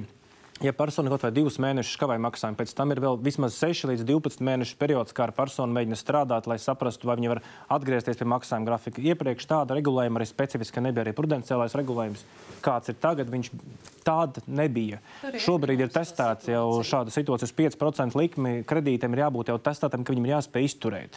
Nu, jā, jā, un ekonomika arī gāzes, tā kā gāzās ekonomika tajā laikā. Jā cilvēki jau aizbrauc nevis tādēļ, ka bija kredīta saistības, bet tādēļ, ka nebija ienākumu, nebija darba vietas. Ja? Tagad jau mēs runājam, mums bezdarbs ir 5%. Ir bijis atšķirīga situācija. Nu, es, jā, es, es, nu, tad es nerunāšu, protams, es nestāstīšu, es citos raidījumos stāstīju, kā tika glābtas arī uh, klātesošās bankas uh, tajā Nepiekrīt. situācijā. Kādā veidā es gribētu paskaidrot, kurš saņēma valsts? O, parunājam arī šai raidījumā. Nu, kas ir versija, kā tika glābtas? Piemēram, uh, piemēram uh, mēs varam apstīties struktūru, mūsu biznesa struktūru. Un, piemēram, man ir bijuši gadījumi, kad bija sūdzības no uzņēmējiem. Eh, ja, piemēram, nozarē ir 3-4 uzņēmumi, un kāds ir skandināvu uzņēmums, tad Nacionālā kapitāla uzņēmuma pasauc un pateica, ka kredīts ir jāatdod. Tas ir par to valsts atbalstu bankai? Nē, par, nē, nē, Varam ir, nosaukt mēs, banku un uzņēmumu? Mē, mē, es, es nezinu, banku no, uzņēmumu, uzņēmumu, piemēram, kancelēs preču tirzniecību. Nu, apstāmies, kāda mums struktūra tagad ir un, un, un kad tas uzņēmums nostiprinājās, kas ir palicis. Ja? Nu, piemēram, ietekmē Seibanka norakstīja zaudējumos 400 miljonus akcionāri ieguldīja papildus 100 miljonus kapitālā, lai banka varētu turpināt darbu. Kur šī vienādojumā ir valsts atbalsts. 180. Es, es neteicu par valsts atbalstu, es teicu tieši to, ka. Jūs teicāt, dēļ, mēs glābām bankas. Caur to, ka bija iespēja, jo jūs jau nācāt nevis jūs, bet iepriekšējie nāca ar, ar tekstiem, mēs iesim prom. Tāpat kā bija 19. gadā, mēs iesim prom. Nē, glābšana caur uh, nu, uh, tādu, attieksmes, tādu attieksmes izrādīšanu. Ja? Un uh, citās valstīs šādas lietas nebija. Caur attieksmes izrādīšanu, caur to, ka pieļāva to, ka nacionālais uzņēmums aiziet pa pieskari un tiek Lobēt. Lat, valsts izglāba pareks. Labāk vai sliktāk var diskutēt, vai ne? Bet, bet, bet glāba, jā. Bet es arī es, es labprāt arī šo, šo šeit nokomentētu, jo šeit neviens jau nemēģina vilkt absolūti vienādības zīmes starp finanšu apstākļiem toreiz un tagad. Tur ir kaut kas tāds vēl līdzīgs. Nē, nē, nē, nē, tā es to nenolasu. Jebkurā gadījumā, elementi, jebkurā gadījumā fakts, ka toreiz uh, valsts nesniedz pietiekumu atbalstu kredītņēmējiem, manuprāt, mm -hmm. ir fakts. Mm -hmm. Tas, ka toreiz valsts izvēlējās īstenot šo taupības politiku. Un, attiecībā, nu, jebkurā gadījumā jūs tāpatās kā bankas bijāt iesaistīts tajā visā procesā, pat ja jūs nesēdējāt pie galda un nepieņēmāt lēmumus. Es tikai norādu to, ka šajā brīdī valsts politika būs citādāka. Kredītņēmēji Nu, vēl Ābels kundze pa vēsturi, un tad atgriežamies šodienā. Vēsturiski. Es biju diezgan tuvu tiem procesiem. Valsts toreiz nevarēja fiziski sniegt atbalstu. Tāda bija situācija valsts kasē. Nu, tāda toreiz bija tā situācija. Un tā mācība, ko mēs ceram, politiķi paņems, kad spēlēties ar finanšu sistēmas stabilitāti, ir ļoti riskanti. Ļoti riskanti. Beidzam, beidzam vēsturi. Beidzam vēsturi. Atgriezīsimies šodienā. Pirm, Lēdams kundze nav labi brīdi tikus pie vārda, bet, bet, bet pirms, pirms es jums dodu, paskatāmies uz kobildi. Nu, Daudz citātie dati. Nu, vienu no datiem mēs arī uzlikām kopējo bildi. Tad, tas ir pēc kredīta atlikumiem. Tiek lietots vārds tas kredīta atlikumi. Ja? Tā ir kopīgā, kopīgā ainava, kas ir. Tad, tad, no 127 tūkstoša komatiem kredītiem kopumā, kas ir, uh, atlikums zem 10 tūkstošiem ir vairāk, vai, nu, tas ir uz 30. jūniju uh, Latvijas Bankas kredīta reģistra dati. Ja? Di, gandrīz 30% ir zem 10 tūkstošiem. Nu, tā tad tur attiecīgi procentu maksājums, ja tā ir tā saucamā franču amortizācija, kur mazinās tas procents, nu, tur tos procentus ar maz maksā. Gandrīz puse ir liela amplitūdā, bet starp 10 un 50. Bet, nu, tomēr nu, relatīvi pret vispārējo nu, arī nav nekas, nekāds milzis. Ja? Uh, tad nopietni nu, jau lielākie atlikumi ir 16,4%, jeb pār pa 20 tūkstošiem. Tad tie skaitļi ir nopaļot no 50 līdz, līdz 100 tūkstošiem. Tāds skaitlis. Un tad vēl 5,8 ir virs 100 tūkstošiem līdz 150, vēl no 150 līdz 201,8 vēl 0,5 no 200 līdz 250. Un te mēs, Rēra kungs, nonākam pie tā, kuri paliek ārpus tā jūsu sliekšņa. Viņi paliek šitien. 300 kredīti, jeb 0,2% no visa. Un tas ir vienīgais līmenis, kuri pēc šī nekvalificējās. Un tad otrs stāsts ir, ka nekvalificējās tie, kam ir vairāk kā viens hipotekārais kredīts. Un To tie, un À, to jūs mainīsiet, jo Latvijas banka uh, savā vēstulē uzrakstīja, ka tie ir 82,6% no visiem. Tad, ja mēs rupi rēķinām, tad tur uh, pār pa 20 tūkstošiem izslīd ārā, pat ja viņš tur, es nezinu, savai vecmāmiņai tur kredīti ir. Nē, nē, to mēs uh, mainīsim, jo tā, to mēs arī diskutējām uh, komisijā, kad uh, skatījāmies, uh, tas attieksies uz tiem, kas izmanto uh, biznesam savu hipotekāru. Tikai tie. īpašumu. Tikai tiem, bet ja ir māja un garāža, tie, ir- tās ir divas hipotēkas, un līdz ar to mēs nevaram uh, šķirot, uh, ko, Nu, bet tagad, tagad tad beigu daļā skatoties šis un alternatīvs. Šis rērkungs nozīmē, ka šos, kur varbūt nemaz nevarēja lielu paņemt, mēs atbalstam ar mazām naudiņām, nu vai mazu ieguvumu.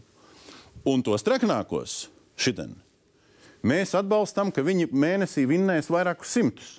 Un iespējams viņiem nevajag.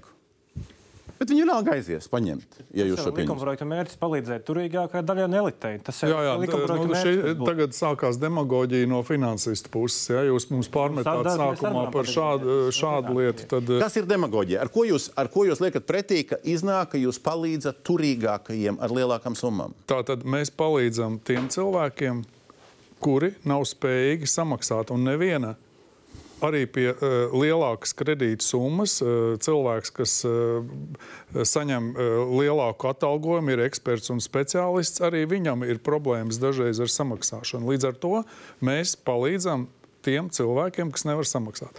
Visi dati, ko, ko dod komercbankas, viņas ir par to, ka viss kārtībā. Nē, nē, Visi nu, maksā. kategoriski Nē, nu, jā, neteikts. ne, vienā bija seši Jā. maksātāji, kas nevar samaksāt vēl samaksāt. Ir daudz, jūs neapzināties situāciju. Ir daudz lielāks skaits cilvēku, kuri ir iedzīti ļoti bēdīgā situācijā. Un tādēļ mēs to darām un palīdzam. Un mērķis ir, lai neviens cilvēks nezaudētu dzīvību. Paldies. Šis Un skats pie un šī argumenti- Pie šī visa es vēl atgādināšu. Unikalitāte ir tā, ka pie šiem 6,17% 80%, kas nav nevienā valstī, ir garantēti ar valsts garantijām pirmās iemaksas. Ja? Tas ve- vēl dod papildus. Paldies. Tagad ir šie argumenti, un tagad ir jautājums, ko citādāk varētu darīt. Vai cik šie argumenti ir pamatot, vai cik viņi ir jāpārskata un jārevidē. Uh, argumenti ir uh, izteikti, bet manuprāt, ir viena tā lielā problēma, ka kredītiestādes tomēr līdz galam nesaprot to, ka šī problēma kredītņēmējiem patiešām eksistē. Eksistē tāpēc, ka, ja viņi vērsīsies, šis kredītņēmējs pie bankas un teiks, ka viņam ir problēmas, tad viņš nākotnē var sev noģenerēt problēmas tālāko kredītu un tālākās dzīves uh, vajadzībām. Tāpēc līdz ar to maksā, cik var līdz pēdējam, taupa uz visu pārējo, ko vien var. Tā ir izglītība, tā ir veselība. Daļa. Tā daļa, daļa, protams, daļa. Ja? Protams, nekad nav visi, bet tā ir daļa. Tāpēc vienmēr ir tā, tā pēdējā laika Latvijas problēma, ka mm, tiek dzīvots dažādos burbuļos un neizprast tas, kā realitātē cilvēki Labi, dzīvo. Bankas dzīvo savā burbulī. Bankas dzīvo Politiķi, savā kur dzīvo? burbulī. Uh, politiķi šobrīd uh, nu jau informē tik intensīvi sabiedrība, ka viņi vairs nevar absolūti arī vairs nereaģēt. Tāpēc viņi attiecīgi arī jau sāk uh, jau izteikties, jo viņi ir acīm redzot pārpludināti ar, nu, ar. Ar sliktajiem Ar, stāstiem. ar sliktajām Ar sliktajiem stāstiem. jā. stāstiem, jā. Jautājums par to, kā var risināt šo problēmu. Tas, ka šis variants iespējams absolūti tomēr nav izdiskutēts pietiekamā līmenī, nu, tas mums parādās pilnīgi nopietni, jo man pilnīgi automātiski uzreiz skatoties uz šo likuma projektu variantu, eh, tas variants, kas mums bija uzlikt, 43. punkts Lūdzu. eh, pārējais noteikumu, ja, noteikuši nozīmīgu procentu likmju samazināšanu, es uzskatu, ka šeit ir jābūt pilnīgi precīzi pateiktam Jā. procentam, citādāk noteikti nevarētu būt. Vai šis variants tātad ies tālāk? Es saprotu no šīs diskusijas, ka acīm redzot, šīs variants, ko mēs te tagad skatāmies, acīm redzot, tiks pārgriezts par 180 grādiem, tas būs pilnīgi kaut kas cits. Uh, Tas, ka puses nespēja īsti izrunāt visas problēmas, un to problēmu ir nevis tikai šīs, par kurām mēs tagad, tās ir tikai tas aizberga augšējā daļa, ir vēl ļoti daudz problēmu.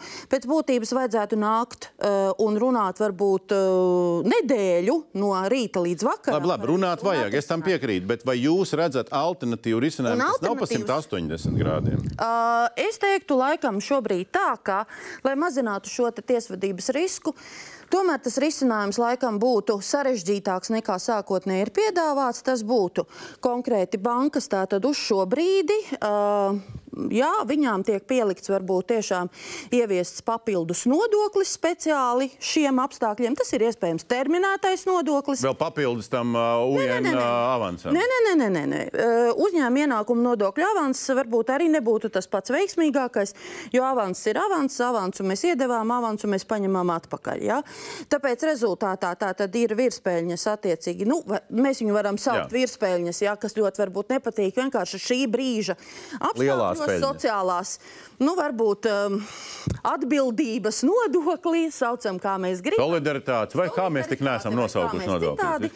Tātad tas ir kapitāls, kas attiecīgi tiek novirzīts altuma virzienā, un altums ir tas, kas attiecīgi jau tālāk. uh, Individuāli skatās. Individuāli, Individuāli skatā- skatās. individuāli būtiski. skatās attiecīgi šos jautājumus, bet tajā pat laikā risinot to jautājumu tādējādi, ka šie kredītņēmēji netiek pakļauti nākotnes problēmām par to, ka šī brīdī viņi ir vērsušies un Labi, paldies. Citas versijas par šo un alternatīvām? Es, nē, es gribēju repliku. Es Lūdzu. negribu komentēt politiku procesu, bet es gribu pateikt, ka mums jau ir viens pagaidu risinājums attiecībā uz nodokli, par ko vispār sen ir aizmirsuši. Finanšu stabilitātes nodoklis ievies uh, Reiznieces kundze.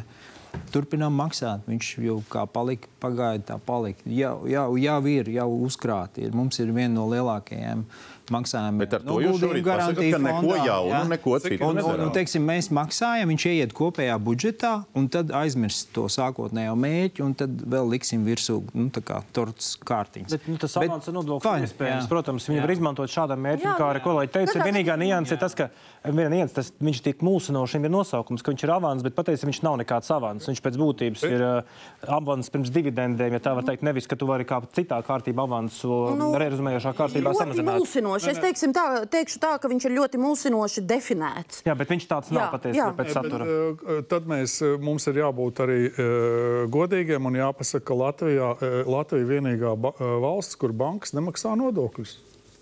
Peļņas nodoklis. Pieci gadi ir atliktais nodoklis, un avans eh, šis maksājums var būt neveiksmīgi nosauktais, mm -hmm. bet viņš ir tas, kas visā pasaulē ir peļņas nodoklis. Es piekrītu, ka nodokli mēs tiešām realitātē šobrīd varētu arī ieviest, un tā, tā nav nekāda uh, ārkārtas situācija. Mēs 30 gadus gandrīz vai neko tādu neesam piemērojuši, bet pasaulē tāda, tāda prakse tiek piemērota. Naftas kompānijām, gāzes kompānijām, bankām attiecīgi šobrīd Nu, Eiropā. šobrīd, jā. uh, finanses un enerģētika uh, vairāk kā nekas tur īsti Jā, nu, liekas. praktiski šie, šīs sfēras. Tā kā katrā gadījumā runāšana ir. Uh, kas varēja būt alternatīva? Alternatīva varēja būt sociāli atbildīga rīcība. Ļoti Ne, kas varēja būt, tas cits jautājums. Jautājums, ko tālāk daram? Ka viņi piedāvātu un iespējams, ka Laidens kundze, jautājums, kas varēja būt? Tur Bet vilciens aizbrauc. Bet Tur vilciens aizbrauc. šobrīd joprojām šī alternatīva ir iespējama. Jo Kā vēl ir precīzi? trīs Kā? likumi, nu, kaut kādi trīs la- lasījumi, un, un, un neviens jau nav atcēlis. Nu, tiešām ir, ir cerības, ka kaut kur varbūt tā, tā kaut kādas eh, asniņi jau dīkst, un mēs tiešām arī gaidām Latvijas bankas pusē, ka joprojām vēl var būt šī proaktīva. Bet, bet, bet tad, bet tad Purgās, tas ļoti būtisks mirklis ir. Tas nozīmē, ka šis likuma projekts ir nevis reāli domāts, ka viņš reāli tiks pieņemts, bet vienkārši tāds draudu un šantāžas mehānisms no politiķiem. Es Tā iznāk. protestēju pret tādu apzīmējumu. Es pajautāju. Šis likums ir uh, tādā veidā, kā viņš virzās, pamats uh, tiks saglabāts, uh, komisija arī Kas ir viņam pamats šim likumam? Tā tad pamats, uh, 50%, 100%. pa- pamats ir atbalsts kredītņēmējiem. Lai neviena Tiem, ģimene, lai 250 vēlreiz es atgādināšu, lai neviena ģimene Latvijā šīs krīzes rezultātā godprātīga ģimene nepaliktu bez savu mājokļa. Bet jūs jau nepalīdzat tikai tiem, jūs palīdzat visiem. Un Tas Jā. arī negarantē šo, ja gadījumā Tas arī zaudē jā. darbu, tad eh, šis risinājums to nenodrošina. Bet Tāpat vienalga nevar samaksāt, standarta risinājums. Tādēļ es vēlreiz atkārtošu, ka, nu, ka uh, budžetā ir ielikti līdzekļi uh, Altuma programmā tiem cilvēkiem, kuri nespēs nomaksāt.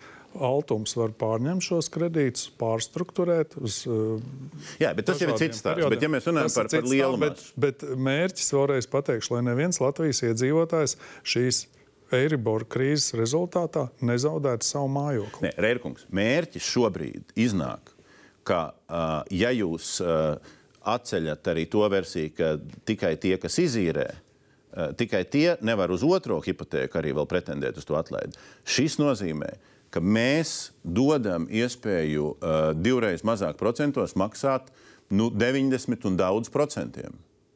Jo vi- Nevis, ta- jā, viņiem visiem nedraud mājokļu viņi zaudēšana. četreiz vairāk Man nedraud mājokļu Ne, zaudēšana. un- Un... Tiešām nedraud. Jums arī nedraud. Es pieņemu, ja Man nav hipoteka. Nu, jebkuram cilvēkam, kas ir ar deputātu ministra algām, šobrīd taču nedraud. Nu, nedraud viņiem. Bet jūs viņiem piedāvājat šo iespēju samazināt procentu. Tātad vēlreiz atgādināšu, ka likuma projekti tiek pieņemti trijos lasījumos un būs. To mēs jau dzirdējām. Un, To mēs jau dzirdējām. eh, Kurgals? Vienkārši jūs nu, piecas reizes par vienu un to pašu jautājat, bet es jums saku, ka likums vēl tiks papildināts. Es bet pamats par dažādām lietām. Dažādām lietām. Purgās kundze, bez tā, ka bankām labprātīgi jādara kaut kas. Nu, nevar īsti saprast, vai viens procents jānolaiž visiem vienāds, vai kaut kas atšķirīgs. Būtu labi, ja jūs precizētu. Starp to, kas šobrīd ir 50 vai jūs 30%, starp vēl kaut kādām versijām, kur vēl mēs varam iet. Jo es visu laiku klausos un gaidu, kad mēs atgriezīsimies pie tā, ka ne tikai tas atlikums pieminētais, bet tās Spānijas, Itālijas, Portugāles, viņas visas runā atbalsts ir tiem, nu viņi gan rēķina nevis uz kredītņēmējiem, bet mājsaimniecības, tiem, kam ir ieņēmumi uz mājsaimniecību, mazāk par šitik. Nu, katrā valstī bija savādāk, bet principā. Mm. Un tas arī neparādās. Latvijas Banka to arī nepiedāvā. Nē, mēs, kā es teicu, mēs, mums ir kaut kādi atskaites punkti, atskaites dati. Ja? Tikpat labi neviens jau ne, neaizliedz paņemt divas minimālās algas. Ja? Minimālā alga tas ir kaut kāds atskaites etalons. Tas ir, tā ir politiski izšķiršanās, tad kāds noteikti to limitu. Vai tā ir viena minimāla alga, vai, vai pusotra, vai divas, vai pat trīs. Bet, restīvi, jūs paliekat pie tā, ka racionālākais variants būtu, cik paliek. Pirmkārt, Cik paliek jā, cilvēku kompleks- rīcībā? Jā, tieši tā. Pirmkārt, ienākumi izdevumi, ja, kredītmaksājumi, plus vēl pārējie izdevumi, un tad paliek neto atlikums.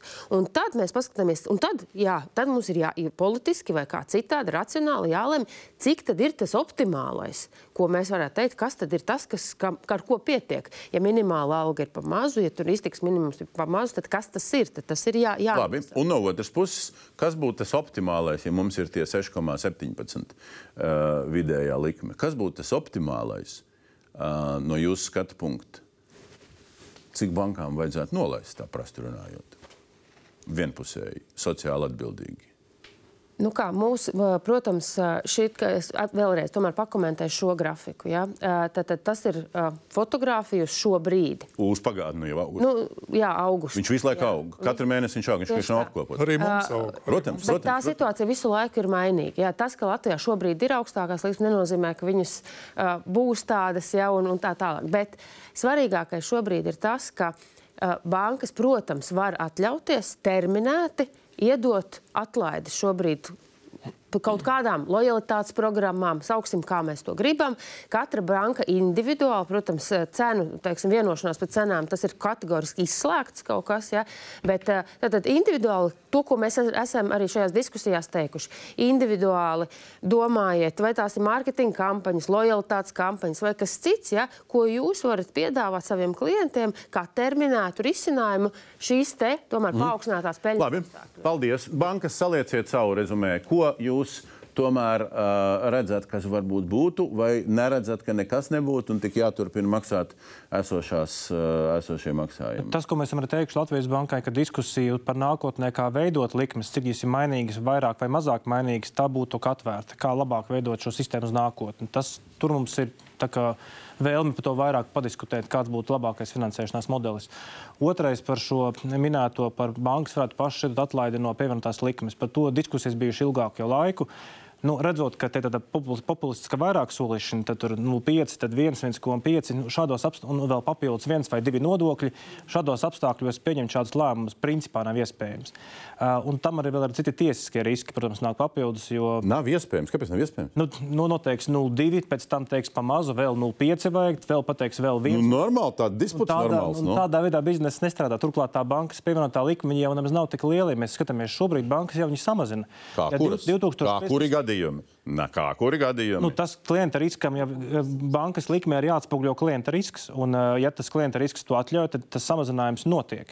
Labi, no tad jūs sakat, ka pašreizējā 8... situācijā nekādu kompromisu atrast nevar būtībā? Nu, es neteiktu, ka nevar principā viņu atrast. Ja mēs izanalizētu, ka datos mēs redzam, ka ja problēma kādai grupai ir un kādai viņai visticamāk būs, to nevar noliegt. Tad mērķiet uz grupu. Tad mērķiet uz grupu un mērķiet ar to, kā arī kolēģi minēja, caur nodokļiem un automobiļiem. Labi, vēl pieliekam rezumē klāt. Es domāju, Dombrovkungs, te arī jāsaprot, ka um, Citadela aizsūtīja pirmdienā vēstuli, trešdienā notiek nopublicēts likuma projekts.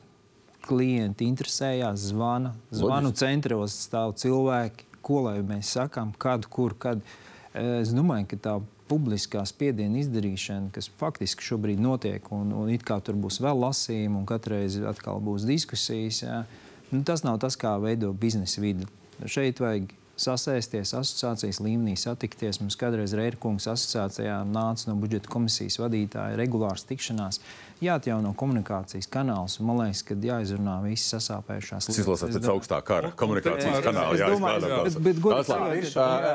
Viegli, saliekam katru savu rezumē. Tēters, Nu, es, es teiktu tā, man uh, Eiropas centrālā bankā uzraugs prasa katru kredītu izvērtēt. Mēs to arī darām. Mēs apskatījāmies, pirms es nācu, desmit, gandrīz 10% kredītņēmēju mēs jau esam pārskatījuši likmes. Uh, mēs te runājām, ka apmēram tāds arī 10-13% bija tie, kuriem ir grūti. Tā kā mēs turpināsim to darīt, mēs mazinām, uh, līdz šim mazinājām likmes uz visu atlikušo periodu. Uh, Tagad būsim uh, atraduši arī sev sistēmās risinājumu, mazināsim uz īsāku periodu, varbūt uz īsāku, tad var iedot lielāku atlaidi. Tā kā turpināsim to darīt. Ar mūsu klientiem mēs esam tiešām. Bet individuāli, atvērti. ne jā. sistēmiski. Individuāli, individuāli, jā, tāpēc, ka tas man ir tāda prasība no Eiropas centrālās bankas katru kredītu izvērtēt. Bet Eiropas centrālā banka vai Man- aizliedz noraut nost, Nē. vai kā Grieķijā iesaldēja ir- Eiriboru pie marta Šī ir vēl cipariem? viena- Šī ir vēl viena lieta, es gribētu pateikt. Šī ir vēl viena lieta, ko es gribētu pateikt, ka vienmēr ir pretruna starp to, ko saka bankas un uzrauga. Ja? Tad nav precīzi šī informācija attēlota. Ja? Te bija replika par šo. Jā, nē, es gribu vienkārši teikt, ka uh, noteikti terminēti uh, risinājumi, uh, kas, kas vienkārši uz, uz, uz šī lielās peļņas rēķina, ir iespējami. Un, un es domāju, ka Un tos to- mēs arī Protams. dodam, bet Jā. nevis visam portfelim, bet uh, katram Nu, nē, bet, bet atsevišķi. mēs taču redzam, ka ir valstis, kuras ir pilnīgi ar, arī ar visu centrālo banku ir informējuši, un, un viņām nekas nav bijis aizliegts. Viņiem ir savādāk. Ja? Nu, tā centrālās bankas tur tās atsauksmes, da, kurai valstī kā kuras, vai ne? Dažādas. Nu, bet tās ir atsauksmes, bet cilvēkiem ir palīdzēts. Saprotiet, ir atsauksmes no centrālās bankas, bet cilvēkiem, konkrētiem cilvēkiem palīdz. Erkungs, man tie konkrētie cilvēki saka, viņi saka, tagad es ne, nebiju ņēmis, jo es biju plānojis bija ņemt. Viņš saka, un tagad, kā man iznāks tagad? Bet es vēl nevaru paņemt. Es pēc pāris mēnešiem, varbūt pēc pusgada, reiz pieņems to likumu, tad visiem pārējiem noraus divreiz mazāk, aiz iešu uz banku. Pff, Man uzliks kredītu, nu, to, ko Lietuvas kundze teica. Man uzliks procentus tādus, ka bail neliekās. A, kur nu, jūs prot- viņam palīdzat, jaunam kredītņēmējam? Tādēļ ir šis likuma projekts nevis uz gadu, kā sākumā bija teikts, bet uz diviem gadiem. Un pēc gada septembrī eh, uzraugam ir jāsniedz budžeta komisijā. Tā jauniem kredītņēmējiem gadu vispār Monitorēt. kredītiem. Jaunie kredīti arī tagad tiek eh, maksāti cilvēki, kuri novērtē savas spējas eh, un ir spējīgi saņemt kredītus arī tagad. Tie, lai ņem pa seši, ok. Protams, nu, Tā viņi iznāk, tagad, nu jau, tā iznāk. viņi tagad jau ņem pa seši. Ņem, ņem pa seši, bet ja visiem pārējiem nometīs uz trīs, un šiem jāiet ņemt pa seši, nu, baigi negodīgi. eh, Tad vērtēsim to situāciju un skatīsimies risinājumu tālāk. Jā. Šajā situācijā es gribētu ļoti būtisku momentu iestarpināt. Es ļoti lūgtu politiķus jau šobrīd pievērst uzmanību nekustamā īpašuma nodoklim, kas uh, praktiski 2025. gadā, ja netiks fundamentāli pārskatīts nekustamā īpašuma nodoklis, tad nodokļa apmērs principā var pat vairāk Jā, bet tas ir kāršoties. 25. Nu, Jā, bet ir jāizdara darbs līdz 24. gada, tātad 31. Janvārim. Ir jābūt izvērtētam un iz, izveidotam jau normatīvajam regulējumam. Piezīm, jaunam. piezīm vietā. Paldies Un tas piezīmi. ir Paldies. milzīgs sloks kredītņēmējiem, mājsaimniecībām, kas var nākt, un tas ir jāparedz kredītiestādēm, jo tas Paldies. samazinās atlikušo naudas summu. Paldies. Un politiķiem būtu jau jāstrādā. Paldies, Menčs kongresam. Jā, nu, man ļoti eh, paldies jums, Dombūrs, par tādu precīzi nodefinētu jautājumu. Man tieši tas bija uz mēles, ja, jo uh, mēs kā bankas atšķirībā nu, no, no, no Reira kunga nedalām klientus. Ja. Pagātnes, tagadnes un nākotnes kredītņēmējos mums ir svarīgi visi klienti. Tie, kas ir kredītu paņēmuši šobrīd, tie, kas par to domā šobrīd, Uh, respektīvi, teiksim, tagad, un mēs redzam, ka piemēram šogad, deviņos mēnešos, jā, jaunā kreditēšana būtiski neatpaliek no tiem apjomiem, kas bija pagājušajā gadā. Mēs esam tātad Svetbanka, esam nofinansējuši 250 miljonus. Jā. Tas nozīmē to, ka klienti turpina kreditēties un bankas turpina viņus atbalstīt. Un tāpat mums ir svarīgi nākotnes Jūs- kredītņēmēji. Varētu nosaukt Un, un mēs pagājušo gadu nesaucam, cilvēkus, un, un mēs, viņus, eh, un mēs šos klientus nesaucam tādos, kas ir uz kaut ko parakstīti. Ne, jūs varētu nosaukt, cik kredītņēmēji nevis summu, jo, protams, tagad ņem lielos kredītus, un tātad cilvēki ir mazāk. Salīdz... pie- Nē, tas ir svarīgi. salīdzināms. Tas ir, ja svarīgi. par Mēs datiem, tad arī datiem. Par nākotnes kredītņēmējiem, kuri ņems nākotnē, mums ir svarīgi, kādi apstākļi, kāda vide būs. Un vai šie kredīti viņiem būs pieejami, kādiem nosacījumiem un ar kādu konkurences līmeni. Ja jebkas, kas šobrīd izskanēja no politiķa puses, veicina nākotnes kredītņēmējiem kredītu pieejamību, es ļoti par to apšaubu. Bet mums bankām ir svarīgi tie cilvēki, kas ir paņemti Jūs apšaubat nākotnes uh, kredītņēmēju iespējas. Paldies! Ar to jūs noredzēt. Bez garām monologu versijām. Mēs šodien esam dzirdējuši divas lietas. Vienas vairāk kārt, tīpaši no Rērkunga, ka jūs vēl pārskatīsiet daudzas lietas šajā projektā, uh, ar ko tas noslēguma jautājums tad uh, kredītņēmēji esošie. Var nerēķināties pagaidām ar to, kas ir pirmā lasījuma versijā uzrakstīts. Un otrs, otrs jautājums, tas, kas šeit viss ir izskanējis, vai tas nu, liek jums vai neliek jums teikt, ka nu, bišķi pamēģinām pārrestartēt vērtēšanu, ko mēs un kā mēs uh, atbalstam?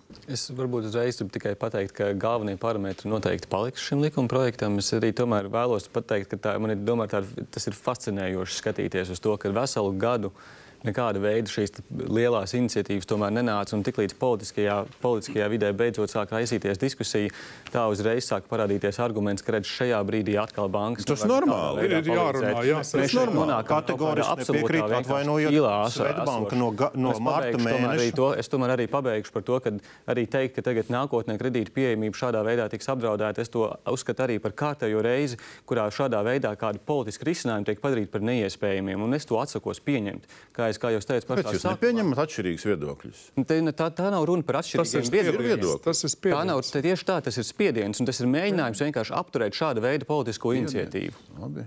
Nereiz nav runāts runas par šo jautājumu nevis klātienē. Tā, gudri jau pirmo reizi. Tas ir, no, tas ir norādīts kā risks, manuprāt, šī anotācijā.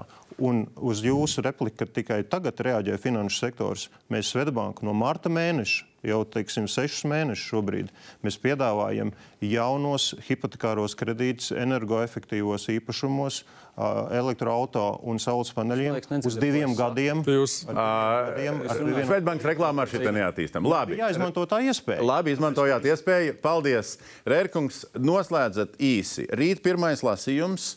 Pārskatīsim, pārkalibrēsim 50% ā, mērķa Mēs grupas apjomu. Arī šajā uh, raidījumā ir izskanējušas idejas, kā mēs varam vērtēt, jo mēs esam arī vērtējuši, uh, piemēram, atraduši risinājumu par īrētiem un vairākiem hipotekāriem dzīvokļiem, arī nu, īpašumiem, arī lielās diskusijās. Un vienkārši, ka no problēma var apstīties no vienas puses vai no otras puses. Līdz ar to mēs arī šo kalibrēšanu izvērtēsim un skatīsimies tālāk no vairākām pusēm. Bet tas, ka nozīmīgi tiks sašaurināts atbalsts, nu, tas nekādā gadījumā nebūs. Paliekam pie vārda, vērtēsim un skatīsimies, kas notiks pēc pirmā lasījuma. Ar diskusijām vai bez diskusijām šeit vai kaut kur citur.